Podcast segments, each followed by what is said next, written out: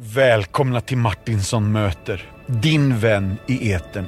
En podcast som vill vara en röst av tröst och hopp från fadderbarnsorganisationen Compassion.se. Den här podden finns till för att betjäna kristenheten och befria barn från fattigdom i Jesu namn.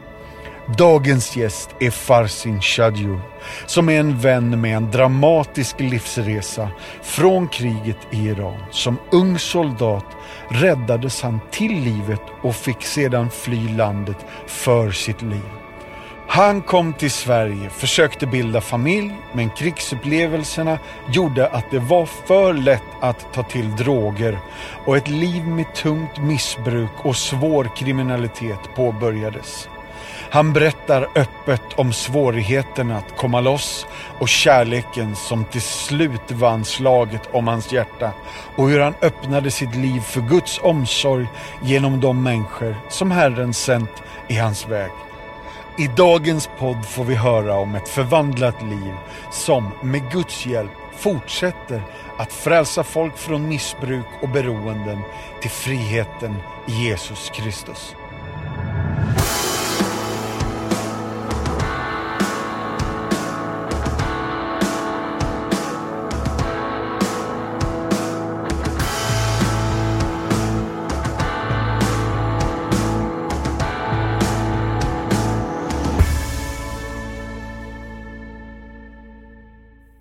Välkomna hit vänner. Nu är det dags för mig att säga välkommen till dagens gäst och det här har jag längtat efter. Farsin, kan inte du och välkommen hit. Tack så mycket. Ja.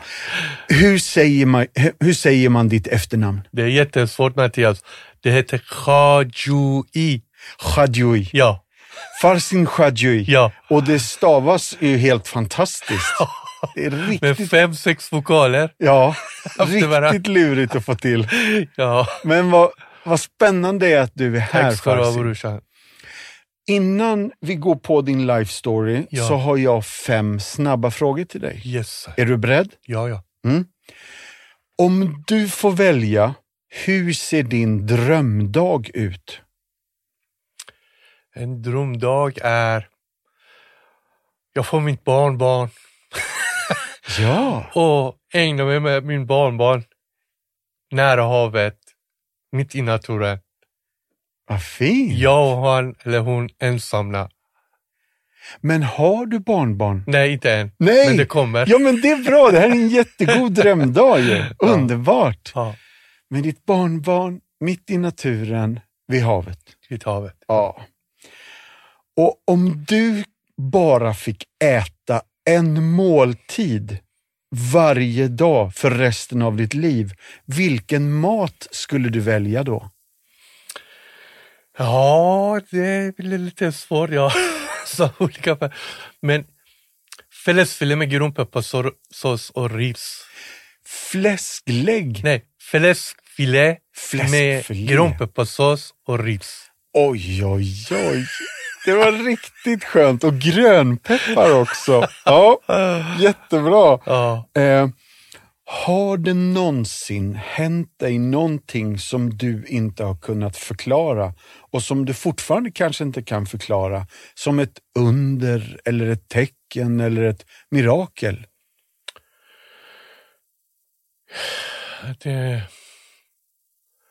När jag var i kriget Ja,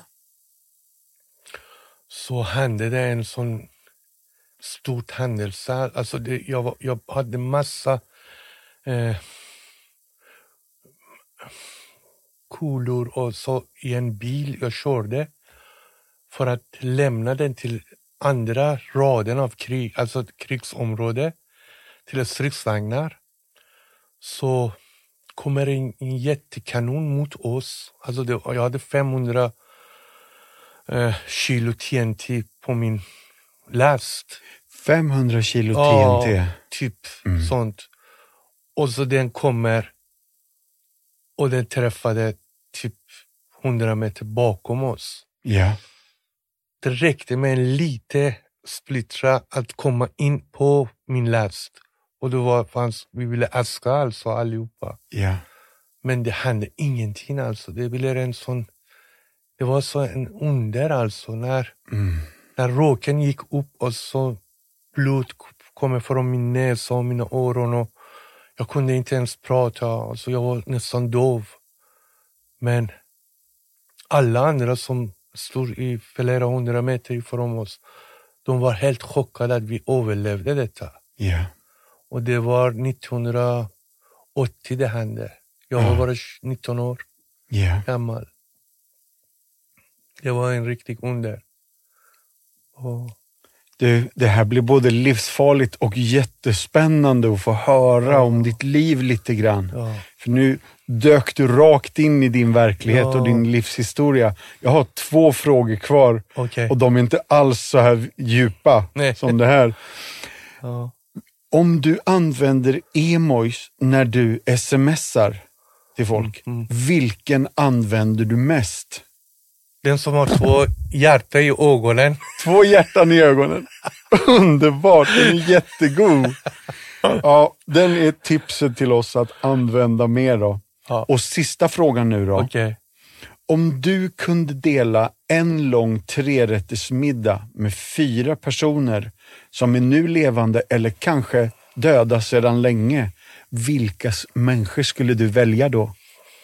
Jag skulle välja min mamma och pappa. Mamma och pappa? Underbart, du är Ja. snabb! Och eh, Daniels mormor.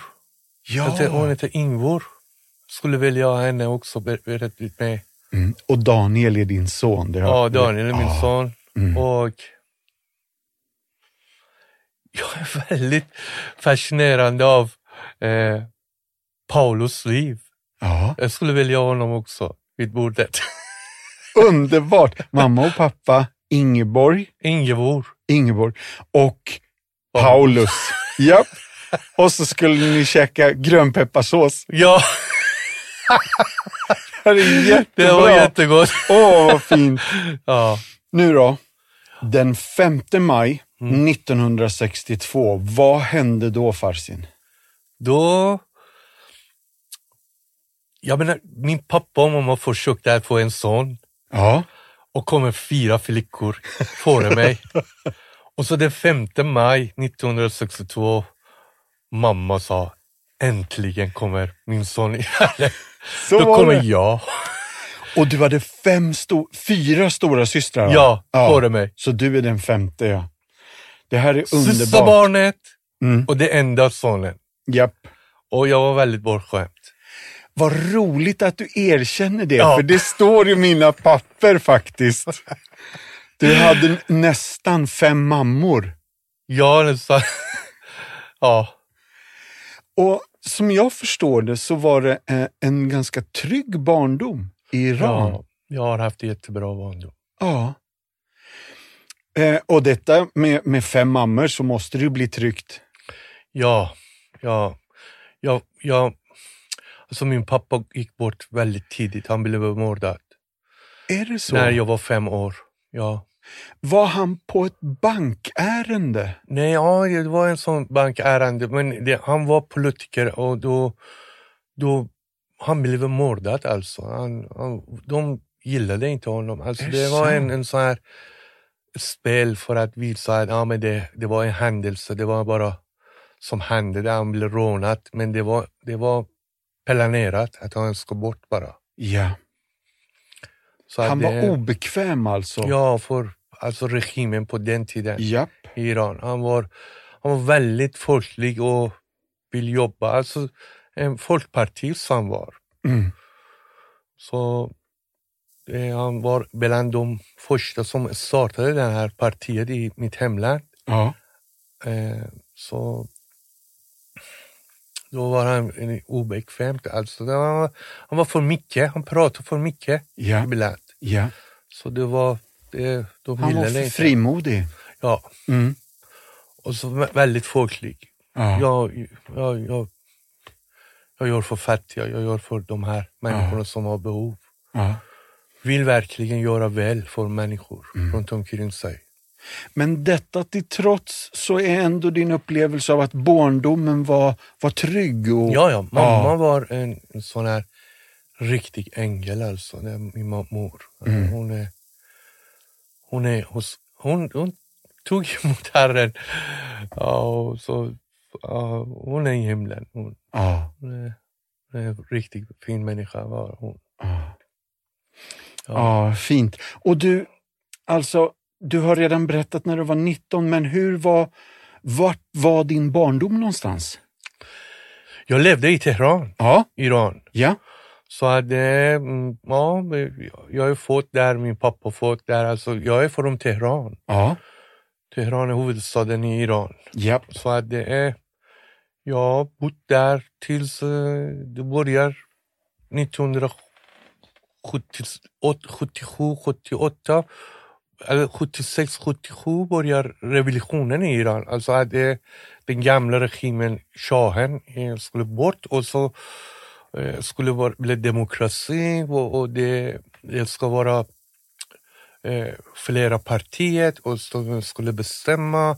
Folket ska ta över och då kommer den här revolutionen med 1979, 78, 79 och därefter jag var då, då var jag mellan 15 och 16 och 17 år gammal Ja. när revolutionen började i Iran.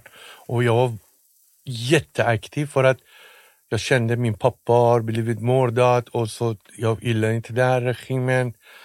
Och så jag var, var engagerad mig i, i själva revolutionen i Iran. Men sen kommer eh, de här religiösa och tog över eh, den här revolutionen som studenterna gjorde egentligen. Studenterna från gymnasienivå och uppåt till eh, universitet. Vi gjorde revolutionen egentligen i Iran, 70-talet. Och så de religiösa kommer och bara kidnappade hela paketet ja. och tog över hela. Och du, om jag förstår det rätt så låg du i lumpen bara några månader och sen började kriget. Ja, exakt. Ja, Jag började, när jag började, alltså det, eh, de, innan revolutionen, det var två års lumpen. Och så efter revolutionen så sa ja men det är ett år, vi behöver inte att vara två år. Nej. Eh, Alltså vi är så många ungdomar har vi, så då, vi sänker den till ett år.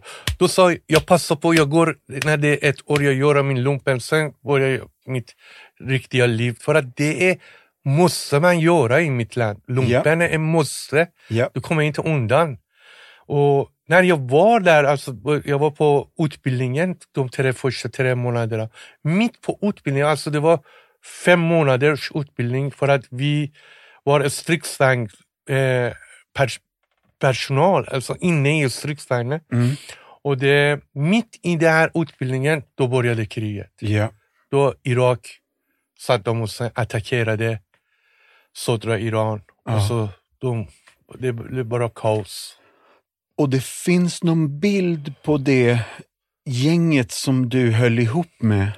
Ja, Och det är inte många av dem som lever längre. nej, nej, det, det är absolut eh, alla mina underbara eh, alltså, eh, vännerna som vi var tillsammans eh, i början. Alltså, vi två, alltså vi var 18 stycken som gick tillsammans Ja. Sam, från samma område. Mm. Vi kommer tillbaka två bara. Alla, alla andra ja, blev... Ja, jag blev också eh, krigsskadad tre gånger i rad. Alltså. Ja. Men jag vet inte. Gud hade plan Ja. för mitt liv. Jag, jag dog inte. Där. Flydde du landet då? Så när efter lumpen jag kom, då, då är det var, var mycket med... På den tiden var jag mycket, eh, hade socialistiska tankar, alltså, eller idéer Ja. kring eh, kommunistisk och so socialistisk tankar hade jag. Mm. Och det var förbjudet i Iran. Ja. Och då, då var det en, en hot för mig och min familj om jag skulle vara kvar. För att jag vill inte komma undan med det, det, det tanken att nej, men vi måste få tillbaka vår revolution.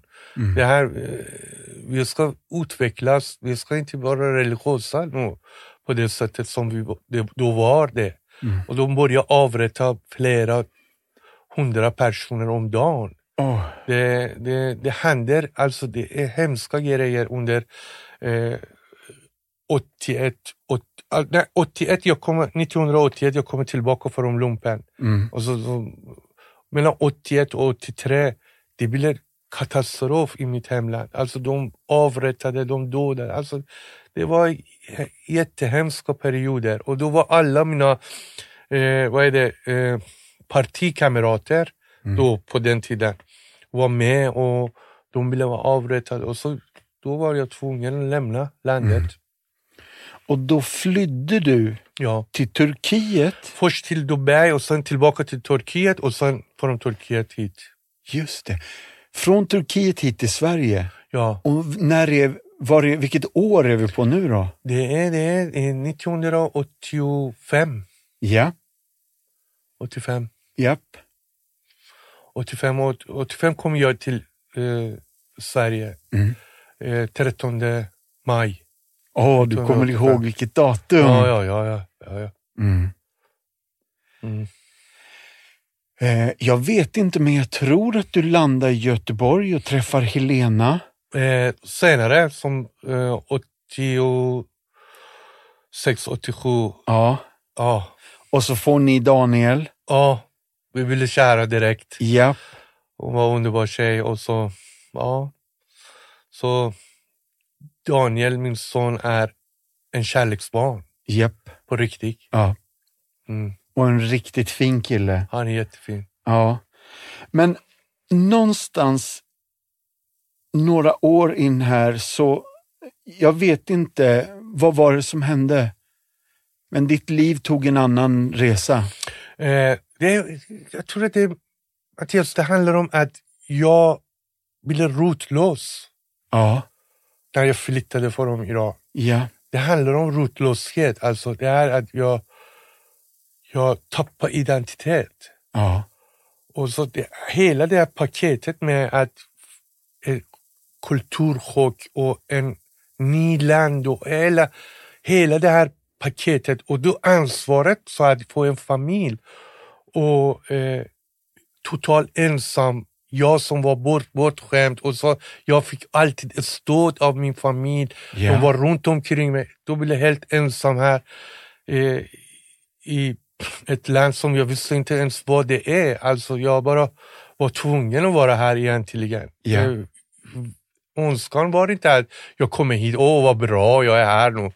Men det var, var en rotlöshet gjorde att jag eh, fick djup depression Mm. först och sen mycket ansvar och så det här att jag blev, jag kände mig förolämpad hela tiden för att min tjejs familj var väldigt vänliga men jag tog det på fel sätt hela tiden. Jag kunde Ah. inte tolka den. Situationen var helt för mig, det blev så här, jag var förvirrad hela tiden.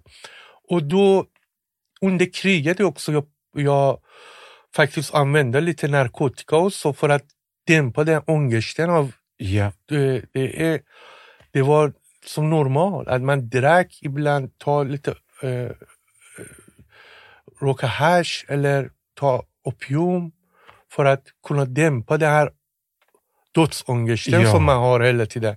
Då hade jag en lite erfarenhet med mig. Jag var inte missbrukare eller beroende av någonting, men jag hade det med mig.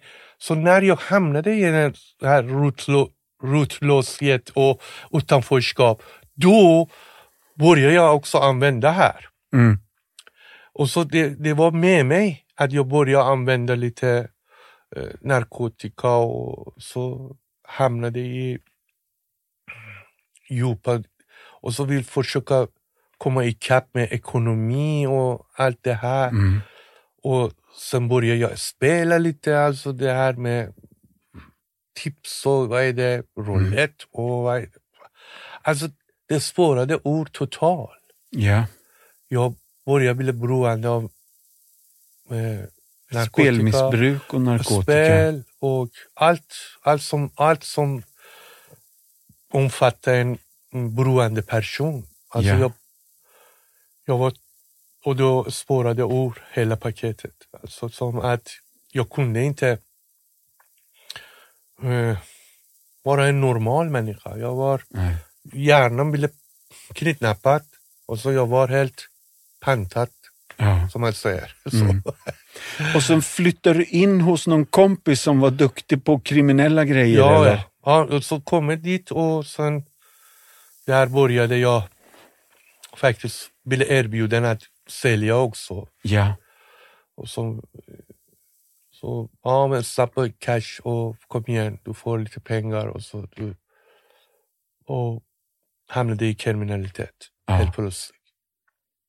Och det här höll på länge då? Ja, det började ni, 91 började resan neråt. Alltså det, innan, alltså jag jobbade på ett, två ställen, jag gick skolan, AMO-center, jag utbildade mig som eh, vad är det, verktygsmakare och så, så allting bara borta. Det är bara ville så här Mm. luffare livet alltså som är en kriminell person med missbruk, Mm. tung missbruk och, och det, det gjorde ja, en resa neråt alltså, Ja. sen 91. Och det var tung kriminalitet också?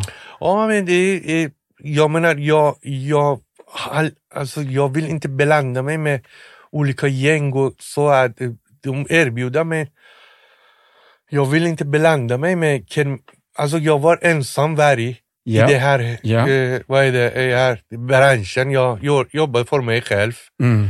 men jag jobbar med alla andra också. Mm. Det, det var en sån, mm, Mm. Eh, så är det. Ja. Eh, sen första åren var bra, alltså det, bra och bra, men jag menar, ja. men ja, nå- det är inte bot- botten total alltså i början. Nej. Det var allting kontrollerande och kunde jag skärpa mig i vissa områden och så här. Mm. Men ändå blev jag känd av polisen Ja. för att de spanade och tittade och kollade. Och, Mm. och man blev känd. Ja. Ja. Och hur, hur länge, alltså 91 började det här. Mm. Eh, jag lärde känna dig i början av 2000-talet. ja, just det. Ehm, för då jobbade jag som pastor i Göteborg Vineyard Yes, och vi var i baptistkyrkan Tabernaklet på Ja. Storgatan 39. Ja, ja. Och kommunen hörde av sig och säger vi skulle behöva ha hjälp. Mm. Eh, eh, för det är så pass många hemlösa, bostadslösa i Göteborg. Ehm, och ehm, kan ni öppna kyrkan eh, på nätterna? ja. Och vi tackade ja. Och jag minns inte, men du kom ganska tidigt. Ja, ja. Och vi slängde ut dig många gånger. Ja. ja. Du vet, 2000, år 2000, då Ja. sa vi stänger femman. Efter klockan 12. Det är, så alla hem, alltså, jag, tills 2001, jag hade bostad och jag, jag bodde i en ett villa i Örgryte och så hyrde ett rum där och så bodde där i en liten lägenhet. Men sen hon sålde så, och jag hade massa skulder och då fick jag inte hyra någon lägenhet längre. Då blev jag hemlös Ja. 2001. Och det, i den vevan, de stängde också femman. ja. Och då kommer kommunen till baptistkyrkan och sa, kan ni öppna? För att det var kallt och det var hemlösa och de här psykiska sjuka människor. Vad ska du ta i vägen Ja. om femman är stängd? Mm. Då kommer folk till eh, tabernaklet där i trappan ner och som Bittan Ekman var med och så startade. Och, Jajamän. så då, då kom jag inte in. Jag hade så stolthet. Jag kom inte in med de här som här folket. Men jag kom för att bara göra business, sälja och köpa grejer och Ja. allt. Trappa. Alltså jag kom in, aldrig in första två åren. Jag kom aldrig in. Jag kom in utanför bara hämta pengar eller sälja grejer eller Ja. vad är det? Grejer som är knark jag menar. Ja. Så var det så på det sättet jag kom till trappa upp. Ja. Trappa ner jag menar. Mm. Så att det var eh, roligt. Roliga, eller roligt och roligt. Det var spännande tider på Ja. den tiden. Ja.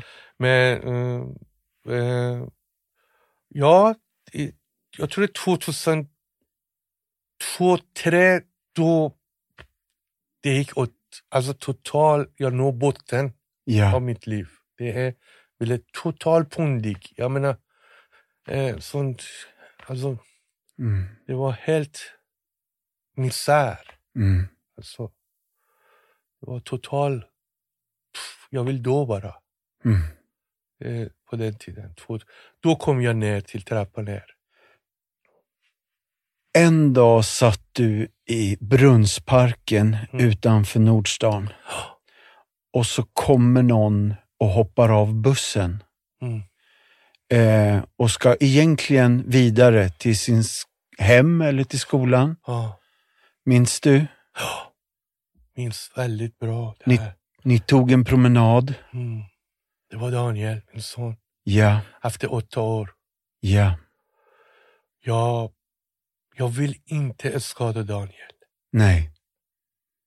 Därför jag valde att inte träffa honom. Mm. Jag var väldigt sliten. Alltså, ingen tänder nästan i munnen och smal och sliten. Jag vill inte att han skämmas över sin pappa. De bodde i Åland eh, och Kalmar. Kalmar och Öland, just Ja. det. Och sjuksyster där borta. Ja, hon är, hon är, Mm. hon är, hon är adionom. Hon är Aha. Hörsel, Fixar öronen. Ja, f- Ja. folk. Och så jobbade jag i Kalmar sjukhus och så bodde de i Åland. Men eh, de flyttade, så jag visste inte att han är i Göteborg. Nej. Så jag håller på att gå i femman och så han håller på att komma ut till, mot eh, eh, eh, mig, alltså från Brunnsparken, komma uppåt. Och så träffade jag honom. Och direkt vet du, vi, alltså som blodet drar, alltså vi kramades och började. Jag älskar honom. Alltså han är anledning, anledningen att jag sitter här. Ja, Mattias, jag måste säga till dig. ja. Daniel är anledningen att jag sitter här. Mm. Det är han. Åh, vad fint. Och så, så träffade jag honom och eh, han sa pappa jag älskar dig så här. Så vi gick i, i danska, eller tyska kyrka Ja. från Brunnsparken. Mm. Satt där och så pratade jag, berättade för honom det är inte ditt fel att jag inte träffar dig. Jag vill inte att du skämmas över mig. Och så jag, har, jag berättade rubbet Ja. eh, och så då fattade han att det, det han var 16 år kanske då, Mm. den tiden. Han fattade att det, pappa är, har problem. Ja. Så var det. Mm. Men det här mötet för, blev en turning point. Ja, det var det. Mm. För att jag... Det, det var så här att jag... Jag är faktiskt väldigt envis människa. Mm. Jätteenvis jag är. Jag tror att jag, det är en bra egenskap och så kan vara dåligt också. Men när jag tar ett beslut, jag menar bestämmer mig för någonting, jag måste nå den alltså. Det går inte. Jag kommer, det kommer inte undan om jag, tar- jag så, Nej men jag gör det, jag gör den det. Mm. Jag, jag är inte halvvägs. Nej. Helhjärtat, jag går in. Mm. Och så det, det här motet gjorde att jag, jag hade den här önskan att jag ville sluta, men det gick inte. Vet du. Det var så tungt missbruk alltså. Det är Mm. på, jag var sprutnarkoman, alltså det är Ja. väldigt tungt missbruk hade jag. Och det var inte enkelt bara att säga, nej men jag, nu, jag lägger ner mig. Tankarna alltså, jag gick bara bad och, inte bad, jag, jag, på den tiden jag hatade Gud. Okej. På riktigt. Ja. För att jag sa, varför jag ska leva, varför du tar inte mig upp? Vad är det detta, vad är det, det livet? ja. Jag hade en barnatro, islamisk, alltså det är sofistiskt egentligen. Det är Ja. inte islam, men det är som barn. Men sen jag var lite socialist och så här, jag nekade kraften och så här. Jag sa, naturen och så här. Jag tänkte på det sättet, alltså huller om buller var det. Mina åsikter och min tro. Men jag bad till någon kraft att jag vill inte leva, ta mig härifrån. Mm. Alltså jag, jag gick på riktigt och bad att jag dör. Jag vill inte leva. Mm. Så att det, det måte gjorde att jag fick en gnista i, jag har en son. Mm. Jag kan inte bara dö. Nej. Jag måste leva. För du hade något att leva för ja, när du hade mött honom. Det är han. Mm. Han ska få uppleva sin pappa, mm. tänkte jag. Mm. Ja, det var det. Ja. Sen vet inte jag hur, um, hur all, vad, vad hände sen här? För du kom ju till tro. Ja, vet du vad? Det trappar ner. Alltså, kolla, det här är en, en kärlekshistoria mellan ja. mig och Gud. Ja. Mm. Det vet jag nu. Mm. Men då visste jag inte. Jag hade många timmar i fem, sex år hemlös, vandrade i Göteborg på gatorna sommar, höst, vinter och vår. Gående på gatorna och talade med honom. Mm. Men det enda som jag sa till honom att jag vill dö. Mm. En kväll jag hade inte något pengar och så hade väldigt abstinens. Jag hade ingen drog eller någonting. Och träffade en kille som var väldigt eh, kriminellt och jag tvingade honom i alla fall, det är en råvaruhistoria, jag vill inte gå in men jag tog för honom knarket och så skulle gå och använda den men jag hade inget vatten, jag hade inget så, så jag gick i en sop, soprum för att kanske det finns en kran där kan jag ta vatten. Så det, när jag kom i det här soprummet jag såg en avlång spegel som var sönder på mitten. Mm. Och så från Ikea som det affären alltså. Så, stod där, de kastade den i soprummet. Mm. Och jag kom in och uppmärksammade, ja men det här är spegel. Ja, okay. Jag hittade inte någon kran där att få vatten för att belanda min knark och eh, injicera mig i min blod. Så jag gick över gatan till en eh, hotell och så skulle hämta vatten. Uh, och på något sätt jag tappade min knark som jag tog dig från den killen. Så kom jag in och så jag, jag var glöms, mycket, glömde mycket grejer på den tiden. Och så hela tiden letade jag efter den. Jag tar av min jacka, tar av min skjorta, tar av mina byxor. Alltså, står helt plötsligt med mina kalsonger framför den spegel. Och där såg jag hur smal jag är. Hur... Alltså, man kunde räkna mina revben. Alltså det var jag vägde kanske 56 kilo. Oh. 60 kilo. Jag är 1,80. Lång. Och det var som en urfil alltså, av mig själv. När jag såg mig själv på det sättet in i en soprum, helt naken. Alltså du brast alltihopa. Jag bara, jag hatar dig, varför du tar inte mig härifrån? Jag vill dö, jag vill dö. Och så bara där dörren öppnade och kommer en, ett par gamla iranier som bodde ovanpå soprummet. De hörde mig. Jag håller på att skrika och så. De kommer ner. Vad är det som har hänt? Och jag pratar persiska. Och Alltså de vill hjälpa mig men jag skämdes så mycket att jag är naken och jag är så smal. Sa, snälla kan ni gå bara? Och den kvällen, det, det är 1900 2005 var det, det, här, det som hände den mm. här dagen. Det var december, november 2005. Och jag bodde i en lågtröskelboende i Högsbo höjd. eller Högsfot eh, industriområde där. Mm. Och så jag gick hela vägen från det här soprummet. Jag glömde bort alla mina grejer, all jacka. Jag gick bara med en tröja och byxorna på mig och skorna. Jag gick hela vägen gråtande. Då tog mig polisen två dagar senare för att det samlades massa små brott ihop och det blev 40 punkter Mm. och de tog mig i häktet. 40 punkter. och så de vill, de vill åtala mig för... Och så kommer en tjej från socialen, vill utreda vem är jag?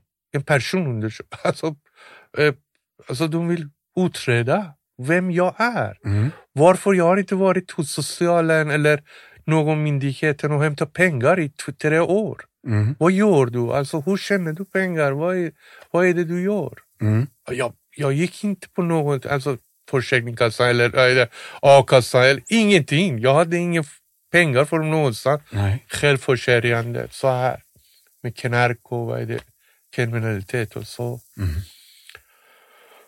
Och den kvinnan var riktig, alltså riktig ängel. Mm. Den här Tula Syvonen heter hon. Mm. Ja, hon som socialsekreterare, hon kommer in och så vill verkligen hjälpa mig. Och så... Men innan dess också, det här med trappa ner med Bittan Ekman och en annan chef som heter Vasti. Mm. De två, de två var mina riktiga syster. Alltså som är verkligen bad för mig. Hela tiden. Mm. Hela tiden. Jag var den stökigaste killen där på trappan ner som är. Kommer jag in, då blir det explosion. Boom! Allting, alltså jag slår två, tre pers och så blir det portat på två dagar och så kommer jag, de älskade mig, kom in då Farzon, Men snälla var, var lite lugn. Och så, det bara blev så här, boom. Mm. Och de bad mycket för mig och så det hände någonting också under den perioden att de Bitan was bad för mig. Jättestark dag var det. Och det handlar om Mattias, jag tror att vi, är, vi passerar pingst nu. Alltså heliga Andes kraft, alltså det här att det hände lärjungarna när ande föll över dem och de vågade göra något. Alltså kraften från Gud. Jag tror att den dagen som hände i mitt liv som var avgörande, det, det var den dagen som Bitan och Bitan Ekman och Vasse Salin Mm. som eh, bad för mig. Och ande faller över mig. Alltså, det blev flera demoner bara gick ur från mig. Alltså det, det var så mäktig dag, alltså den dagen Mm. i mitt liv. Jag kommer aldrig glömma det. De bad kanske en timme med tungor, alltså kraftigt, kraftigt. Jag skrattade, jag gråter, jag skrattade, jag gråter. Alltså det, det var en sån här process i mitt liv, alltså aldrig, alltså, ande fall över oss all, Mm. allihopa där och jag, jag var hög på ande. jag var så, alltså två, tre dagar, jag gick bara glad barfota runt i stan Mm. och var jätteglad. Den dagen vet du, det är... Men sen jag knarkade igen och så åkte fast och då kommer Tulla Syvonen i mitt liv. Och där, eh, hon trodde på mig, vad jag sa och skickade mig till mina syskon i Tyskland. Just det. Där jag avgiftade mig själv Mm. tio dagar. Och där jag drömde om Herren Jesus. Alltså det är två starka drömmar jag såg där. Det, det var väldigt avgörande. Alltså, sista drömmen, jag, alltså, jag var abstinens tio dagar. Alltså, vet du, en missbruk med sprutnarkomani. Alltså Mm. att jag i 19 år skulle jag lägga ner den. Inga tabletter, ingen nedtrappning, ingenting. Jag bara sa nej. Nu, Mm. nu jag, antingen jag dör eller jag eh, reser upp mig helt frisk. Ja. Och där sista dagen jag drömde en, en stark dröm om Jesus, att han kommer och bara sa ge mig alltihopa, jag tar det ifrån dig. Mm. Och så tog allt jag hade i min ryggsäck ifrån mig. Så nu behöver du inte mer. Och så när jag reste upp mig från den här drömmen, min syster stod ovanpå mig, på, ovanpå sängen och sa, vem pratar du med? Alltså Mm. hon hörde vi inne i drömmen, jag pratade så tydligt att hon hörde. Hon trodde att det är någon islamiska profet var det, men jag sa det var Jesus. Och så hon sa, det är jättebra att det är Jesus. Ja. Och, så, och när jag reste upp mig den dagen och min syster sa, "Åh, jag har fått tillbaka min brorsa. Ja. Dina ögon, nu lyser det i dina ögon Persson. Och så, det var efter tio dagar abs, tung abstinens ja, det förstår jag. så hade jag rest upp mig och bara, hmm, nu behöver jag inte mer. Nej. Kände så. Och sen dess jag har jag inte tagit något. Nej. Det är 2006. Ja. Det är 15 år och några månader. Det är Japp. Ja. häftigt. Det. är. Strax efter det här så minns jag att du blev döpt också. Ja. Ola Sen- och Bittan ja, jag döpte kommer dig. tillbaka. Ja. Jag kommer tillbaka. Och så, jag var efter det här andedop dop som jag var Ja. med om. eh, Som jag tappade bort den. Men så jag vill bara komma och berätta att jag, vad jag drömde om Jesus för Bittan. För att det var en onsdag. Och onsdagar de hade barnemöte där på klockan mellan t- 12 och 2. Mm. Och alla var välkomna. Och så jag kommer klockan 11.30 i centrala Göteborg. Och så springer jag till...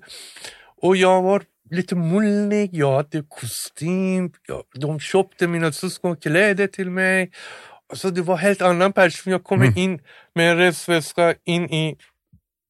Där nere på trappan ner. Och de såg mig och sa, ah, vad vill ni ha? Jag sa, hallå, det är jag, Percy. Ja. Jag har tänkt på det, jag har för det. Jag var tre månader borta, typ. Ja. Så där... Eh, Bitan, min syster, var väldigt snabb. När jag berättade min hi- historia och så att jag har slutat, jag har avgiftat mig där och, och jag berättade om min dröm. Vad jag drömde om Jesus. Direkt, de sa, ska vi be för det? Ja. Och så de bara, vill du ta emot Jesus? Jag sa ja. Mm. Då är det, då, då, det var en längtan efter en frihet. Ja. En, något som jag kan luta mig mot. För att allting var gungigt på den tiden. Det, Allting jag, var gungigt. Ja, gungigt. Ja. Och det, jag behöver en fast punkt. Ja. Och vem ska jag ta eh, bättre än Jesus här? Mm. Alltså en fast punkt som aldrig har varit och det är nu till evighet detsamma. Just det. Aldrig förändrar sig. Och det, det, jag sa, jag tar den. Jag, jag köper den. Mm. Jag vill ha den. Och jag bad, de bad frälsningsbarnen och jag tog emot Herren sa, som en frälsare. Jag sa, jag vill ha honom. Mm. Och så en vecka efter, jag drömde du måste gå till dopgraven. Det finns risk att du faller tillbaka. Jag drömde på en sätt. Så kommer jag ner och då var du och eh, du var borta på den tiden eh, och det var Gunnar som var eh, våran pastor där och sa Gunnar, jag vill gå i dopgraven. Jag vill bli döpt, alltså. Jag vill göra det nu. Mm. Och han sa, nej tyvärr denna vecka jag kan inte. För att jag reser bort till Norrland, till mitt hemstad. Alltså, jag behöver inte dig. Jag måste gå nu. Bittan kan göra det. Och så... Det, Gunnar sa, ja visst, varför inte? Och så han var min pastor, men jag, du och han var mina pastorer alltså på den tiden. Mm. Men så ingen av er var där. Du var på re, vårt rest, eller jag, och var i England eller någonting, utomland var det Ja. med Therese. Men, så han var också i Norrland, men jag gick med Bittan och Ola, hennes man, inne i dopgraven. Och jag var på väg från en boende, bodde jag, en sån här, vad är det, skyddade boende. Så var på väg till, och så kom en tjej, Monica, som var min gamla kompis också, som bodde där. Var är du på väg? sa jag. är på väg att bilda dop i kyrka. Kan jag bilda dop också? Hon följde med mig och så hon gick i dopgraven också. Självklart. samma dag. Herren är stort alltså. Han, Ja. han är mäktig. Monica, ja. Jag och Monica gick tillsammans i i dopgraven. Alltså, Ja. Eller en efter varandra. Ja. Så var det. Det här är helt otroligt. Ja. Vilken, vilken dramatisk resa, vilken livsresa och Ja. vilket livsöde och Mm. vilket...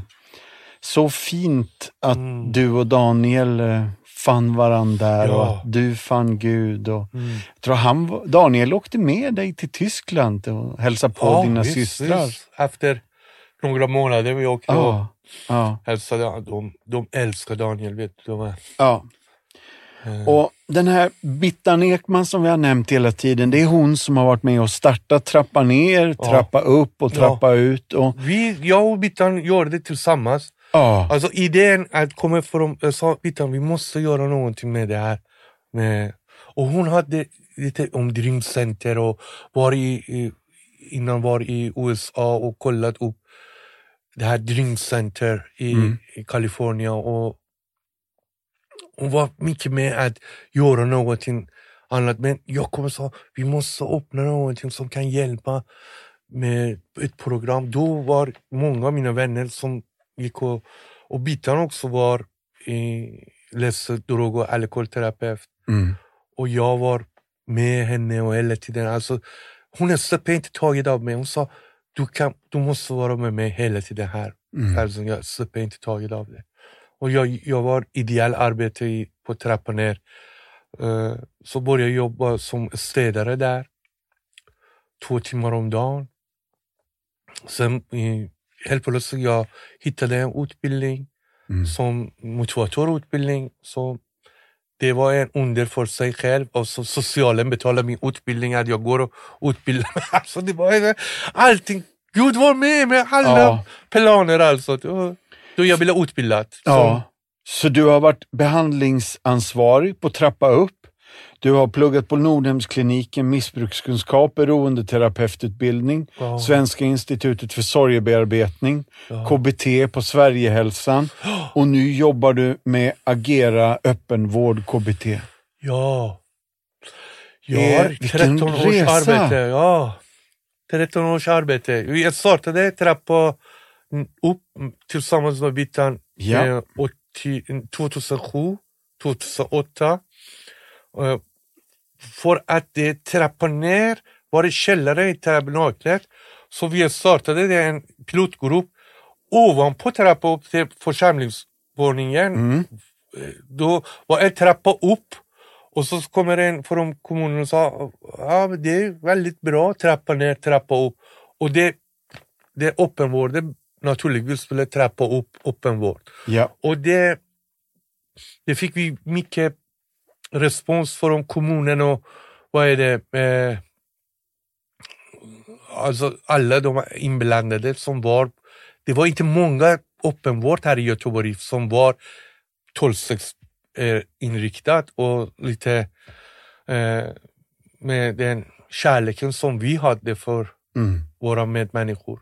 Och det, det, det började bli väldigt bra faktiskt. Och då flyttade från Träbernaklet till Linnégatan till eh, Linnégkyrka.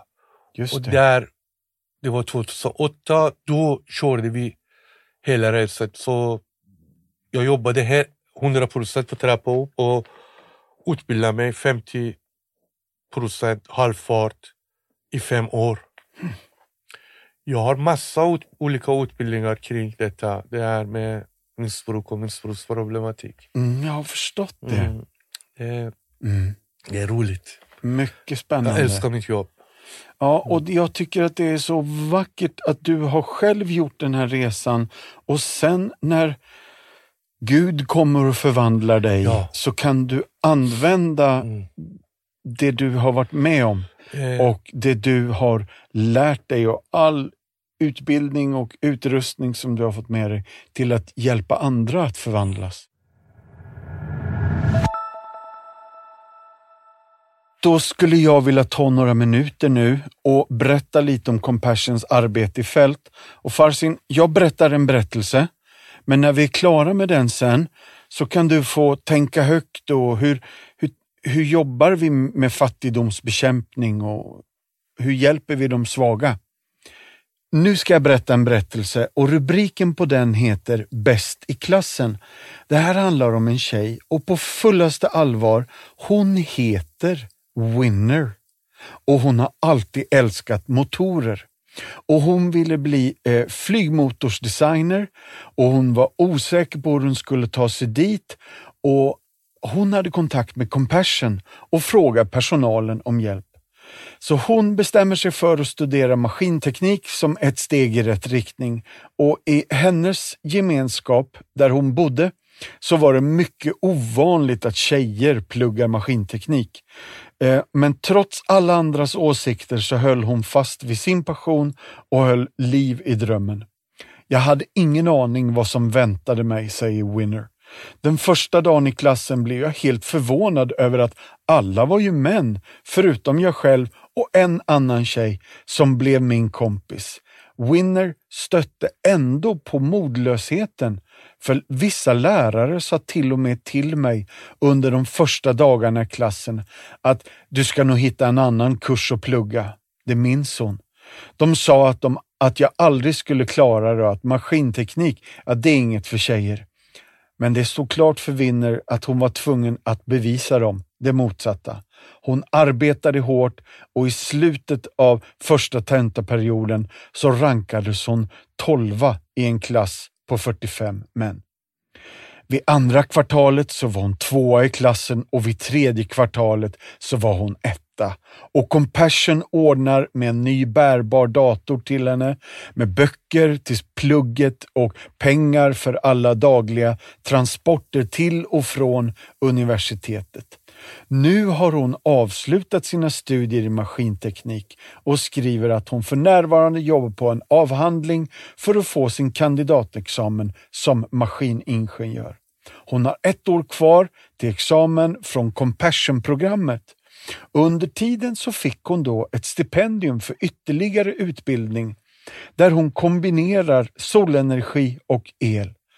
Winner är så tacksam för alla möjligheterna som hon har fått. Jag vill tacka den lokala kyrkan som har samarbetat med Compassion och stött mig och oss. Min tacksamhet flödar över till all personal och alla volontärer i Compassion. Jag tackar också min fadder som har uppmuntrat mig, tillägger hon. Det känns så bra att veta att någon någonstans älskar mig, bryr sig om mig, ber för mig och har investerat ekonomiskt i mig. Jag övergav inte mina studier, för jag visste att jag var värdefull för min fadder som hade investerat så mycket gott i mig. Det här är bara en berättelse av vad vi jobbar med i Compassion. Men min fråga till dig är, vill du hjälpa en tjej som Winner att fullständigt komma loss ifrån fattigdomens fängelse genom Compassions arbete? Vi har ett stort behov av nya faddrar och för 310 kronor i månaden kan du, kan du vara med och understödja ett fadderbarn holistiskt. Och det innebär, vi jobbar på fyra sätt. Ekonomisk hjälp, mat, kläder, skolavgift, fysisk hjälp, vaccinationer, hälsokontroller, sport och fritidsaktiviteter. Social hjälp. Våra centrum fylls av kärlek, omsorg och uppmuntran och andlig hjälp. Vi sticker inte under stolen med att vi gör det vi gör i Jesu namn. Så därför har vi åldersanpassad söndagsskola. Vi sjunger och ber med barnen, läser Bibeln och så vidare. Vi skulle vilja be dig, vädja till dig. Vi skulle önska att du blev fadder idag. Och på compassion.se så kan du signa upp dig direkt. Och om du tänker, nej men jag har ju redan ett fadderbarn. Behoven är så stora. Kan du tänka dig så skulle vi gärna se att du tar ett till.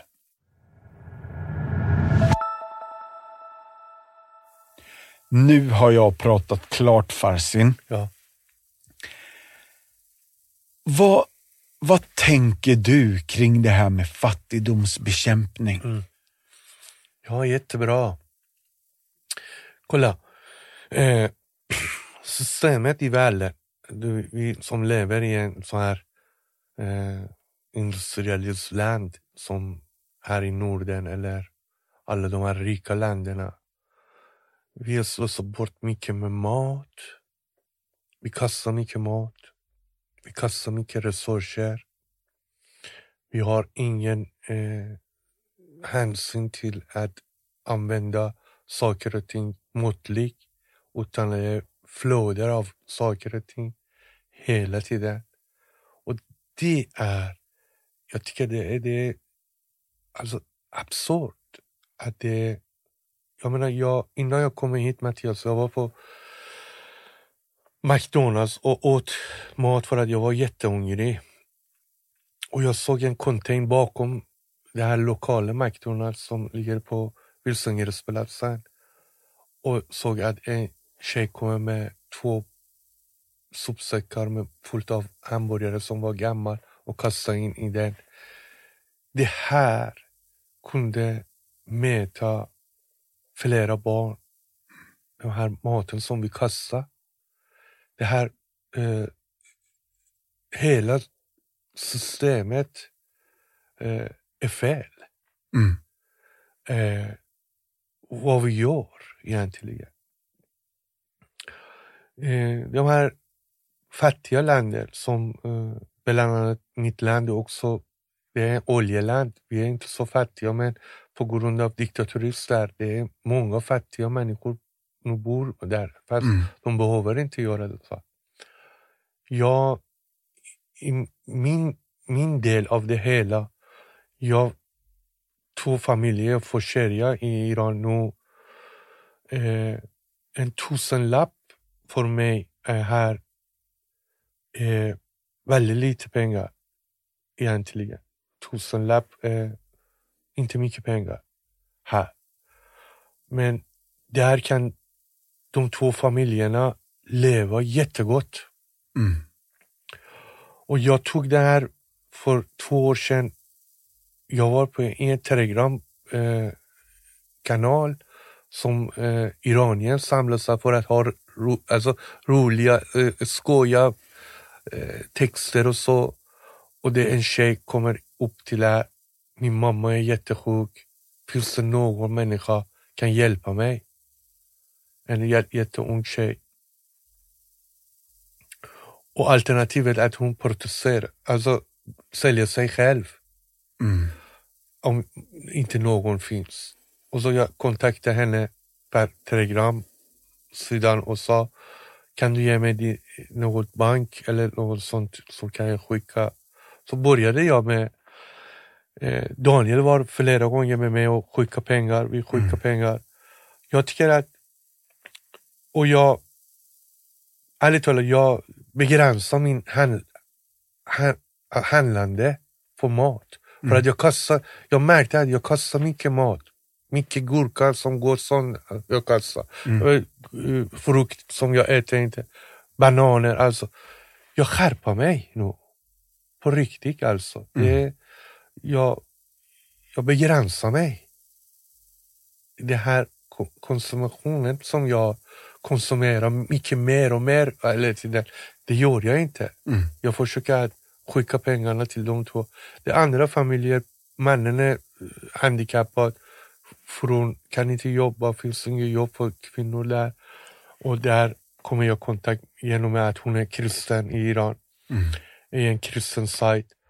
Och där försöker jag skicka 500 kronor var. För, för jag minskar min konsumtion för, för mat och grejer. Och så skickar jag de, istället de pengarna till mitt hemland. Om varje människa i världen kommer att tänka på det sättet, tycker jag, då kan vi bekämpa fattigdom. Det är bra. Jag måste börja härifrån. Mm. Det är från mig själv, självbehärskning Mm. än att eh, tjata på något, alltså, eller eh, ja, men, klaga eller tjatande på något annat. Jag måste börja härifrån. Ja. Jag tror att det är, det är en bra beslut om var och en människa, om jag tror på Gud, om jag tror på Gud eh, och jag ser att de andra människorna är mina syskon eh, och Gud älskar dem. Då blir det mycket enklare att jag offrar lite från mig själv också. Ja. Men eh, om jag har inte det synsättet, då blir det, ja, ja, varför jag ska göra? Eh, Ja, eh, jobba över själv. Mm. Då kommer de här konstiga tankar. Jag Mm. tror att det var och en ska börja härifrån, från hjärtat. Tänka lite noga. Vad gör jag egentligen? Mm. Hur jag beter mig, hur jag gör. Vad är det som händer runt omkring mig? Mm. Det är det som, det, det som jag har tänkt mycket, många gånger.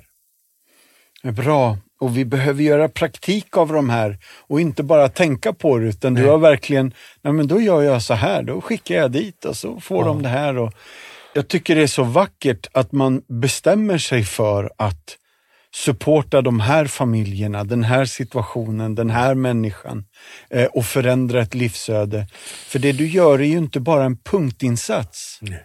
utan det här hjälper ju över lång tid.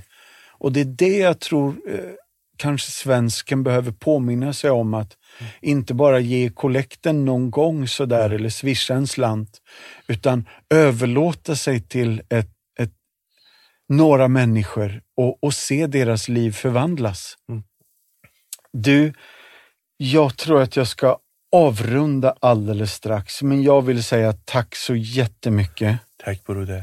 Tack för att du delar din livsresa Ja. och på något sätt ger oss bilden av var du har varit och vad som har hänt dig. Mm. Men också samtidigt säger, finns ingen chans att jag hade kunnat ta mig ur det här utan Gud.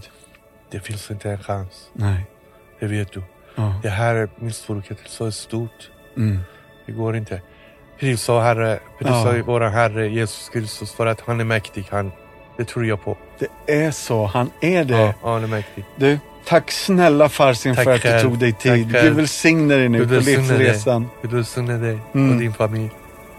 Tack. Slut för idag och tack för idag allihopa. Vill du veta mer om det som har pratats om i podden så har vi något på vår hemsida som heter Show Notes. Där kan du se alla länkar till sånt vi pratar om när vi refererar till en film eller en bok eller en sång. Då finns de länkarna där, så gå in på compassion.se så hittar du helt enkelt massa extra material. Tack, ha det bra, Bye bye, hej då!